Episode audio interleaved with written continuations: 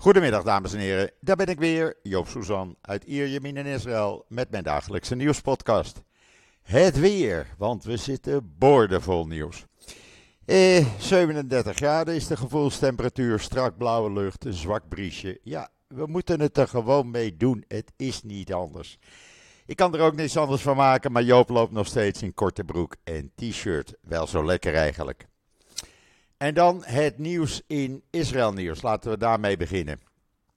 Een video uh, met foto's van de IDF die 19 terreurverdachten heeft gearresteerd, wapens in beslag genomen, explosieven onschadelijk gemaakt. Dat zie je onder andere in die video. Het is echt een, uh, ja, wel leuk om te zien.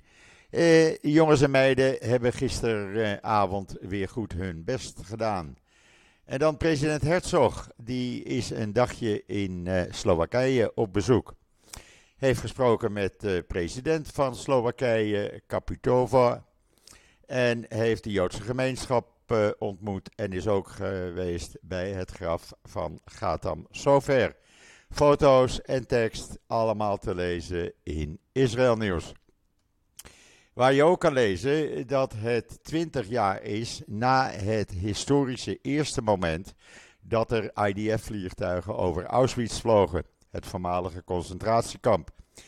Dat is uh, een paar dagen geleden opnieuw gebeurd, omdat de IDF vertegenwoordigd was op een beurs in Polen.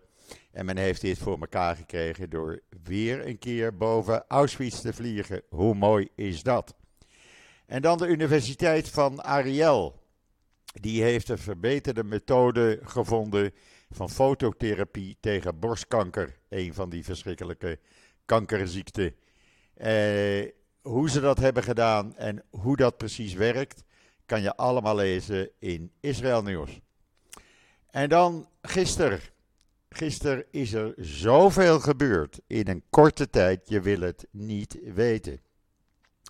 Allereerst kwam er een, eh, een uh, promo-videootje van Channel 12 over een interview wat ze gisteravond hebben uitgezonden. Ik heb het ook gezien. En waarbij uh, de naaste medewerker en vriend van Netanyahu, Hanegbi, of, Hanegbi, zo je het noemen wil, duidelijk zei dat de demonstraties uh, een dictatuur voorkomen hebben. Dat zegt hij heel duidelijk in dat interview. Als je het terug gaat zien, als je de Hebreeuwse taal machtig bent, dan, uh, dan, lees, dan uh, hoor je dat. Later krijg ik gisteravond een uh, perscommuniqué van hem, via GPO, waarin hij ten stelligste ontkent dat hij dit gezegd heeft. Ja, sorry, dan moet je niet gaan liegen. Je hebt het gewoon gezegd, iedereen heeft het gehoord, het hele land en daarbuiten. En dan moet je niet terugkrabbelen en zeggen van dat heb ik niet gezegd, want jij bent het en het is jouw mond. Uh, hij zegt dat heel duidelijk. Uh, ja, dan hebben die demonstraties toch iets geholpen, laten we dat dan maar zo zeggen. Hij zegt in dat promotiefilmpje dat uh, de demonstratiebijeenkomsten verhinderden dat de angst voor dictatuur werkelijkheid werd. Uh, later noemt hij dat dus weer verdraaid. Maar het komt uit zijn mond, je gelooft het niet. En kort daarvoor werd bekend dat het Hoge Rechtshof het verzoek van minister van Justitie Levin heeft voldaan om de hoorzitting een weekje uit te stellen tot 19 september over die benoeming van de rechterlijke selectiecommissie. Daar kom ik straks nog een keer op, want ook de procureur-generaal heeft zich hierover uitgelaten. Nou, dan heeft Levin enigszins de zin. Hij wilde drie weken, hij krijgt een week. Dan moet hij dan maar meedoen. Hij moet op 10 september zijn verzoekschriften met zijn reacties indienen. Staat allemaal in de Times of Israel. Eh, we gaan het meemaken. Het worden spannende weken. Echt, het worden hele spannende weken. Want uh, gisteren werd ook bekend dat president Herzog een paar weken aan het spreken was, zowel met de coalitievertegenwoordigers als vertegenwoordigers van de partij van Benny Gans. Niet van Lapid, die werd er buiten gehouden. Uh, om een deal rond te maken. Daar zouden een aantal zaken een rol in spelen. die hele juridische hervormingen die zouden dan een maand of 15 worden uitgesteld. ze zouden iets verzacht worden, een zachtere versie zou er van komen.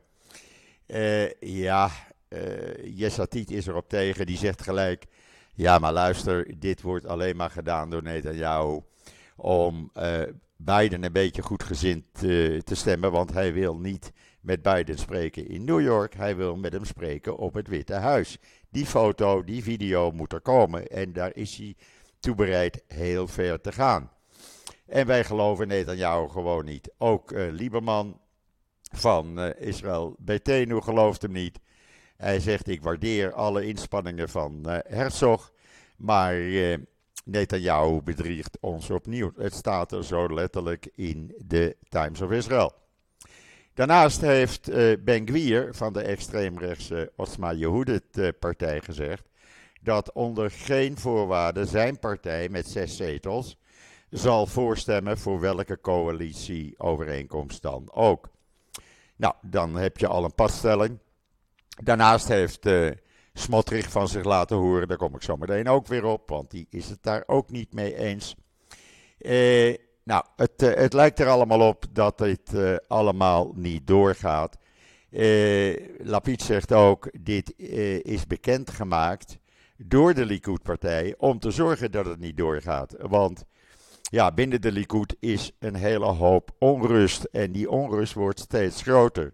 Er zijn steeds meer partijleden, vooraanstaande partijleden, die deze juridische hervormingen in deze vorm helemaal niet zien zitten.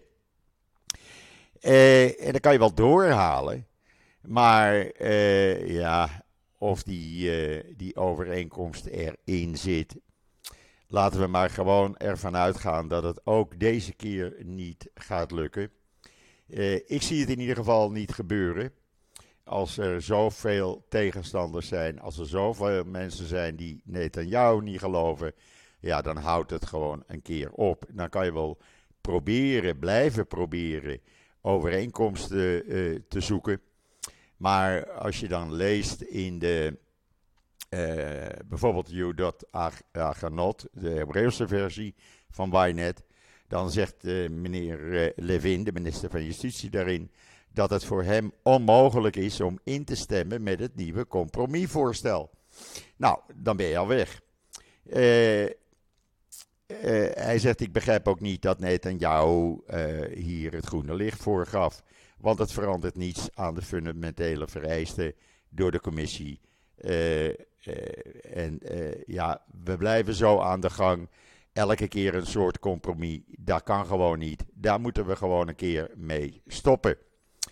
Uh, ja, of dat dan doorgaat. Gisteren bleek er ook opeens. Uh, Netanyahu, die zat nog op Cyprus. Een van zijn medewerkers, want hij zelf zal dat niet gedaan hebben. Die had heel even voor een paar minuten een tweet eruit gegooid.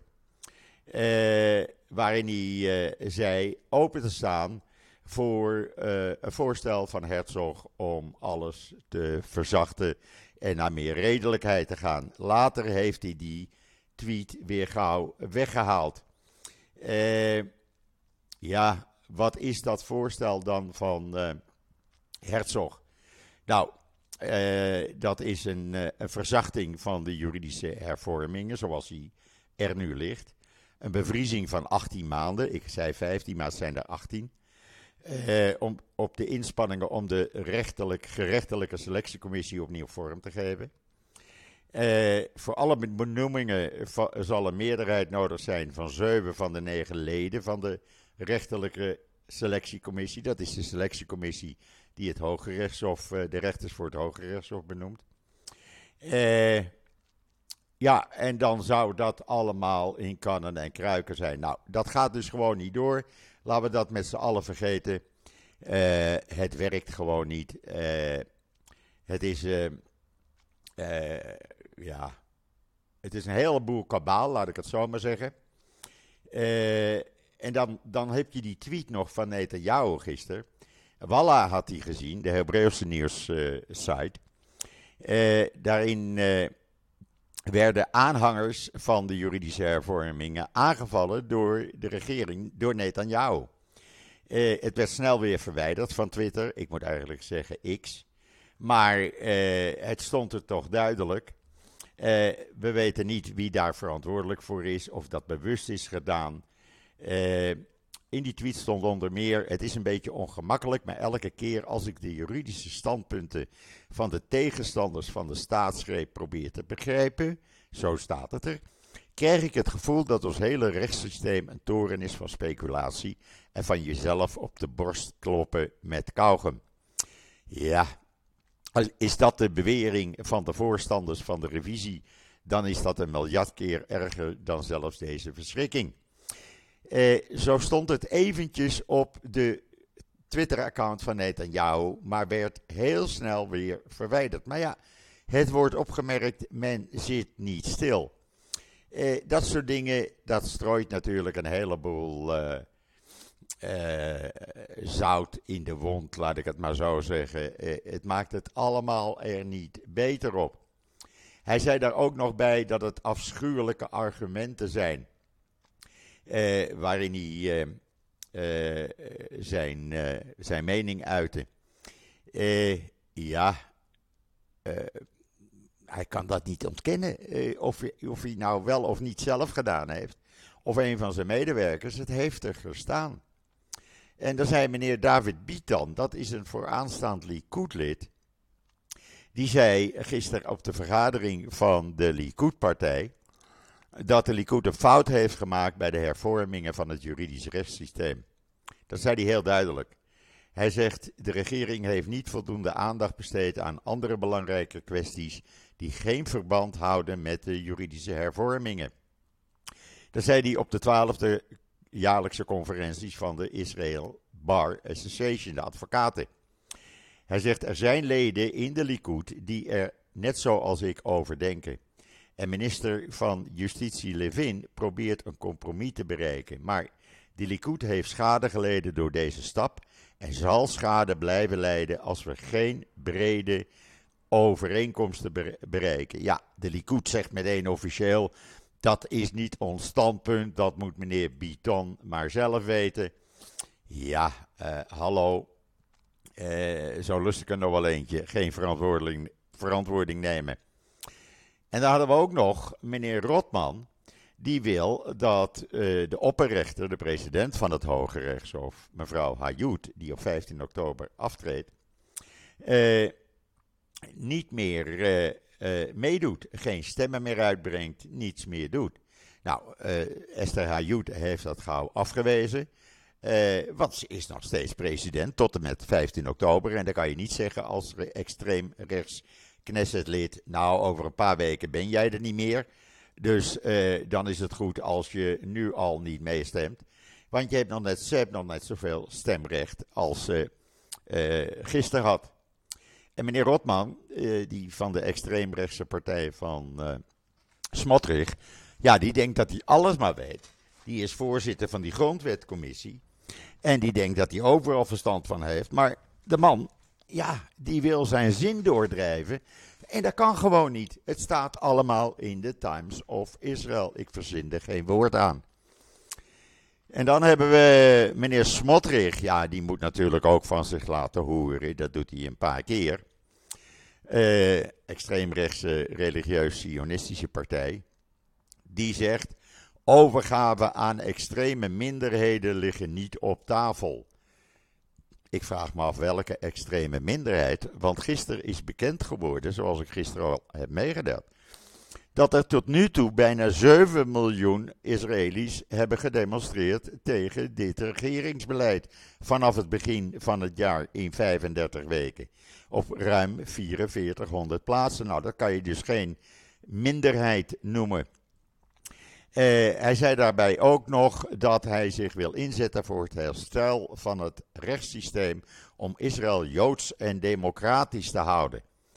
Eh, maar een overgave van de meerderheid aan een extreme minderheid die bereid is alles, op, alles plat te branden omdat zij de verkiezingen heeft verloren, ligt niet op tafel. Ik begrijp niet waar die man mee bezig is. Echt.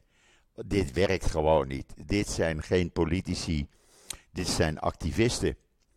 Uh, ja, uh, met dit soort uitlatingen, daar kom je dus gewoon geen steek verder mee.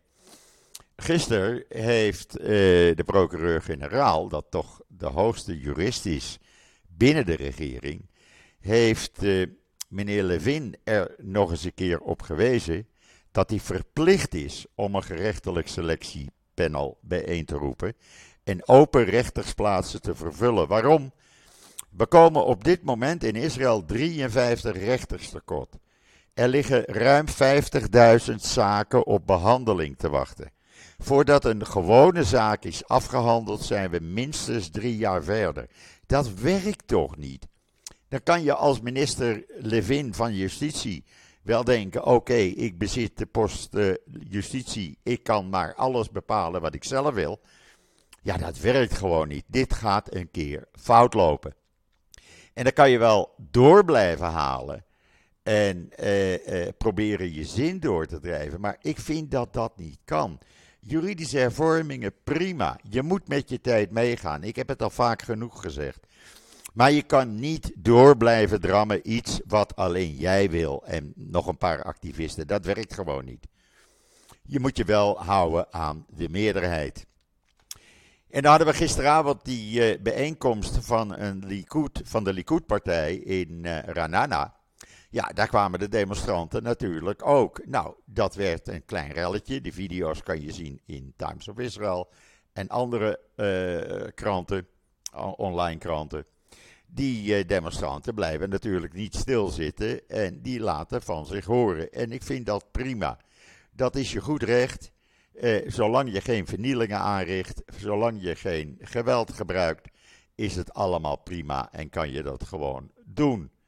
Uh, wat hebben we dan nog meer? Ja, meneer Rotman is er nog steeds natuurlijk. Want hij is voorzitter van die grondwetcommissie.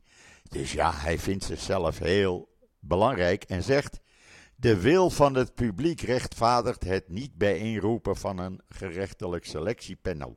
Nou, dat is helemaal niet de wil van, de, van het publiek. Want het publiek wist tijdens de verkiezingen niet wat jullie van plan waren. Heel simpel. Dat werd pas twee weken nadat de regering was geïnstalleerd, kwam dat naar buiten door meneer Levin. En niet eerder. Bij de verkiezingen hebben die juridische hervormingen totaal geen rol gespeeld. En dan kan je wel roepen de wil van het publiek met je extreemrechtse gedachten. Maar dat werkt gewoon niet zo, meneer Rotman. Als je de wil van het publiek doet, dan uh, luister je naar de demonstranten op zaterdagavond. Die komende zaterdagavond voor de 36e week bij elkaar komen. Het staat in de Times of Israel. Dan hadden we Gideon Saar, die ook al een keer minister van Justitie is geweest. En ik vind dat hij een beetje gelijk heeft. Hij uh, bekritiseert het trage tempo van de rechtszaak tegen Netanyahu. Dat gaat ook inderdaad heel traag. Het lijkt wel of dat bewust gedaan is. En hij zegt heel duidelijk: dat is onrechtvaardig tegenover het volk van Israël. Dat kan je niet maken tegen de bevolking. Je kan niet de zaak, omdat het toevallig de premier is, in een ander tempo laten behandelen. Hij heeft daar 100% gelijk in. Ja, en dan uh, de staatsadvocaat, die, ja, er is gisteren zoveel gebeurd, mensen. Ik kan het bijna niet meer bijhouden. Want gisteren kwam de staatsadvocaat, uh, meneer Amit Aisman, ook op die vergadering van de Orde van Advocaten. En die kwam even duidelijk zeggen tegen meneer Benkwier, die in de zaal zat: van uh, ik zal me er niet van uh, laten weerhouden als er politieagenten zijn die demonstranten in elkaar rammen zonder dat dat nodig is, dan zal ik die politieagenten gaan vervolgen. Waarop hij natuurlijk meteen van uh, meneer Benguier uh, naar zijn hoofd kreeg geslingerd in de zaal. Jij bent een linkse activist en je treedt alleen maar op voor linkse uh, activisten en extremisten. Ja, de man doet alleen maar zijn werk. Als dit een, het niveau van een minister van Nationale Veiligheid is. Sorry, daar veeg ik mijn, uh, je weet wel mee af. Want Deze man heeft totaal geen niveau. Eh, het is gewoon zo, ook als politieagent moet je je aan de wet houden. En als je dat niet doet, ja, dan loop je het risico vervolgd te worden. En als meneer Benkwier dat nou niet leuk vindt, ja, dat is zijn probleem. Uh, maar niet het probleem van de staatsadvocaat. Hij heeft zijn uh, politieagenten opdracht gegeven er lekker op los te rammen. En er was er gisteren ook een redelijk goed bericht, want de inflatie is teruggezakt naar 3,3 procent. Dat betekent dat de gouverneur van de Bank of Israël voor de tweede maand op rij de rente niet verhoogd heeft. En de rente blijft staan op 4,75 procent. Nog hoog, maar je kan het lezen in de Engelstalige Globes. Ja, en dan komt diezelfde meneer Rotman. Ja, ik kom, ontkom niet aan die man. Die man die verzint van alles om uh, in het nieuws te komen. Die komt met een voor, wetsvoorstel om het aantal immigranten naar Israël te beperken. Hallo, we hebben Alia. Dat gaat hij dan beperken. Dan moeten allerlei eisen komen. En dat doet hij na die rellen met die Eritrese asielzoekers. Dan moet je daar een andere manier voor vinden om die asielzoekers het land uit te trappen die de boeven kort en klein slaan. Maar niet de Alia gaan beperken met nog meer regels. Hij wil een, uh, een basiswet maken. Uh, binnenkomst, immigratie en status in Israël. Met een aantal richtlijnen onder waar uh, buitenlanders naar Israël kunnen komen om te wonen. Dat betekent dus ook voor de mensen die naar Israël komen op basis van de wet op terugkeer. Hoe dom kan je zijn? Het aantal Joodse immigranten is al enorm teruggelopen. Met Frankrijk, uit Frankrijk ruim 60% minder dan verleden jaar in dezelfde tijd van het jaar. Uh, uit Amerika met twee derde gedaald. Uh, hij gaat het nog meer, nou ja, laat ik maar ophouden over deze man. Want hij maakt het alleen maar dommer en dommer, deze man. Echt, ik weet niet waar hij mee bezig is, maar goed. En dan hadden we eh, meneer eh, Smotrich nog een keer. Eh, die zegt, ja, eh, het economische gedeelte, het financiële gedeelte, want hij is minister van Financiën natuurlijk. De economie van de Knesset, of de economie van Israël, leidt onder de zwakke shekel. En dat heeft niets te maken met zijn beleid, dat zegt hij er namelijk niet bij. Dat heeft alles te maken met de demonstraties. Hoe vind je dat? Niet je beleid de schuld te geven, maar de gewone Israëli die op zaterdagavond staat te demonstreren, overal in het land, die is de schuld dat jij je werk niet goed doet. Nou, ik zou zeggen, meneer Smotrich, kijk eerst eens even naar jezelf. Kijk eens even naar je beleid, waar niemand het mee eens is. Uh, je hebt er niet eens verstand van. Uh, en dan gaat hij uh, alles de schuld leggen bij de demonstranten. Het staat in de Engelstalige Ynet. Ook dit verzin ik niet. En dan uh, Netanyahu wou gisteren in uh, Cyprus ook nog iets positiefs zeggen. Nou, dat heeft hij dan gedaan. Een uh, deal tussen Israël en de Saoedi's is mogelijk. En dat zou een nieuwe energiecorridor kunnen creëren, vindt hij. Dat zei hij in de persverklaring. Die kan je ook lezen in israelnieuws.nl. En je kan hem lezen in alle kranten, waaronder Jeruzalem Post. Want, zegt hij, uh, er is nou de mogelijkheid om de Abraham-akkoorden met Saoedi-Arabië uit te breiden. Ja, dan moet er nog heel wat water door de zee stromen. Ja, en dan hadden we de UN, daar zijn ze weer, meneer Volker Turk, de uh, United uh, Nations Human Rights Chief, die is gealarmeerd door het hoge, nummer, hoge aantal van gewonden bij de rellen zaterdag eh, tussen die Eritreërs. Ja, sorry, eh, dat zijn er zo'n 160, 170 geweest. Ze lopen met stokken, liepen ze te rammen, er liep er eentje met een pistool rond. Uh, dat is niet Israël, dat doen ze zelf, de voor- en tegenstanders. Kijk daar eens naar. Maar nee, Israël weer de schuld geven. Zo doen we dat gewoon.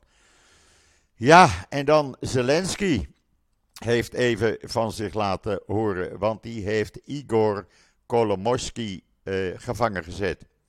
Dat is een, uh, uh, Oekraïner met het Israëlisch staatsburgerschap. Schijnt behoorlijk wat geld te hebben. Want die schijnt volgens Zelensky zo'n 13 miljoen dollar te hebben witgewassen. Ja, dat mag niet. Ook niet als je een uh, Israëlisch staatsburger bent in Oekraïne. Mag je dat ook niet doen. Hij is een van de rijkste mensen van Oekraïne, maar hij zit voorlopig achter de tralies. En de Palestijnen zeggen, maar ja, wat moet je geloven bij de Palestijnen? Ze zeggen dat ze beloven uh, aan de Amerika dat uh, ze zich niet zullen verzetten tegen een Saoedisch-Israëlische normalisatie. Nou, als dat zou kunnen, maar wel onder voorwaarde natuurlijk dat het een hoop financiële en politieke prikkels veilig stelt. We moeten er natuurlijk wel wat centjes aan verdienen volgens de Wynet. Ja, ik weet niet of dat nou een prioriteit is. Maar eh, we zullen het gaan meemaken. We gaan het allemaal afwachten wat er de komende tijd gebeurt. Ja, en dan vier jaar, vier jaar nadat hetzelfde gebeurde, waren er weer zes Israëli's, waarvan er twee uh, een Engelse vrouw, een Engelse jonge vrouw op Cyprus hebben verkracht. En weer tijdens het bezoek van Netanyahu zijn deze gearresteerd. Ze kwamen uit de Arabische stadje Majel al-Krum uit Noord-Israël. Zitten alle zes vast wegens verkrachting van een 20-jarige vrouw. Netanyahu heeft zich daar heel verstandig niet over uitgelaten. En dan is het vandaag 51 jaar geleden dat uh, het verschrikkelijke bloedbad tijdens de Olympische Spelen in München plaatsvond. 51 jaar geleden. Er wordt weinig aandacht aan besteed. Ik vind dat dat wel genoemd moet worden. Dit mag nooit vergeten worden. Ik heb er ook op uh, Twitter het een en ander over gezet. Wordt gewaardeerd. Dit mag men niet vergeten. En laat de herinnering aan al die Israëlische sporters die zijn vermoord tot een zegen zijn. En dan zijn er steeds meer klachten over antisemitisme in Davos. Zou je zeggen, Davos? Ja, een groeiend aantal klachten over het gedrag tegen orthodox-Joodse toeristen in Davos overspoelt de Zwitserse media. Samen met allerlei antisemitische beschuldigingen. De lokale Joodse gemeenschap is gealarmeerd. En het lijkt erop, zeggen de lokale Joden, dat Davos heeft besloten dat ze geen Joodse terroristen meer willen. Nou, dan moeten ze dat vooral op deze manier doen. Dan zijn ze gauw van de Joodse extreem, uh, ultra-orthodoxe Joodse uh, extremisten af. Of uh, orthodoxe af. En dan Elon Musk. Hij is al een tijdje op het vizier hier in de Israëlische pers. Want het lijkt of hij de Anti-Defamation League niet ziet zitten. Hij, uh, ja, hij heeft het niet zo met deze Joodse organisatie die zegt, meneer Musk, je laat te veel antisemitisme toe op uh, Twitter, op X, wat het nu heet. En uh, ja, Musk die, die vindt dat allemaal geen probleem. ik vind ze niet zo erg de antisemieten, vindt Musk volgens de Jeruzalem Post. In verschillende video's die hij daar kan zien. Hij moet er nogal om lachen. En hij is van plan een rechtszaak tegen de ADL aan te spannen wegens valse beschuldigingen. Hoe mooi is dat? Ik vind die X, dat Twitter, er niet op vooruit gegaan. Is mijn persoonlijke mening. Maar ik heb al van anderen gehoord dat die er net zo over denken. Want het is één rommeltje. Het loopt niet meer lekker, maar er is geen alternatief. Als er een alternatief was, ik zou gelijk overgaan en al mijn 13.000 volgers eh, meenemen. En dan heeft Sarah Netanyahu eindelijk haar zin. Jawel, eindelijk. Het heeft zo'n 144, 145 miljoen euro gekost. Het is een vliegtuig van 23 jaar oud wat verbouwd is.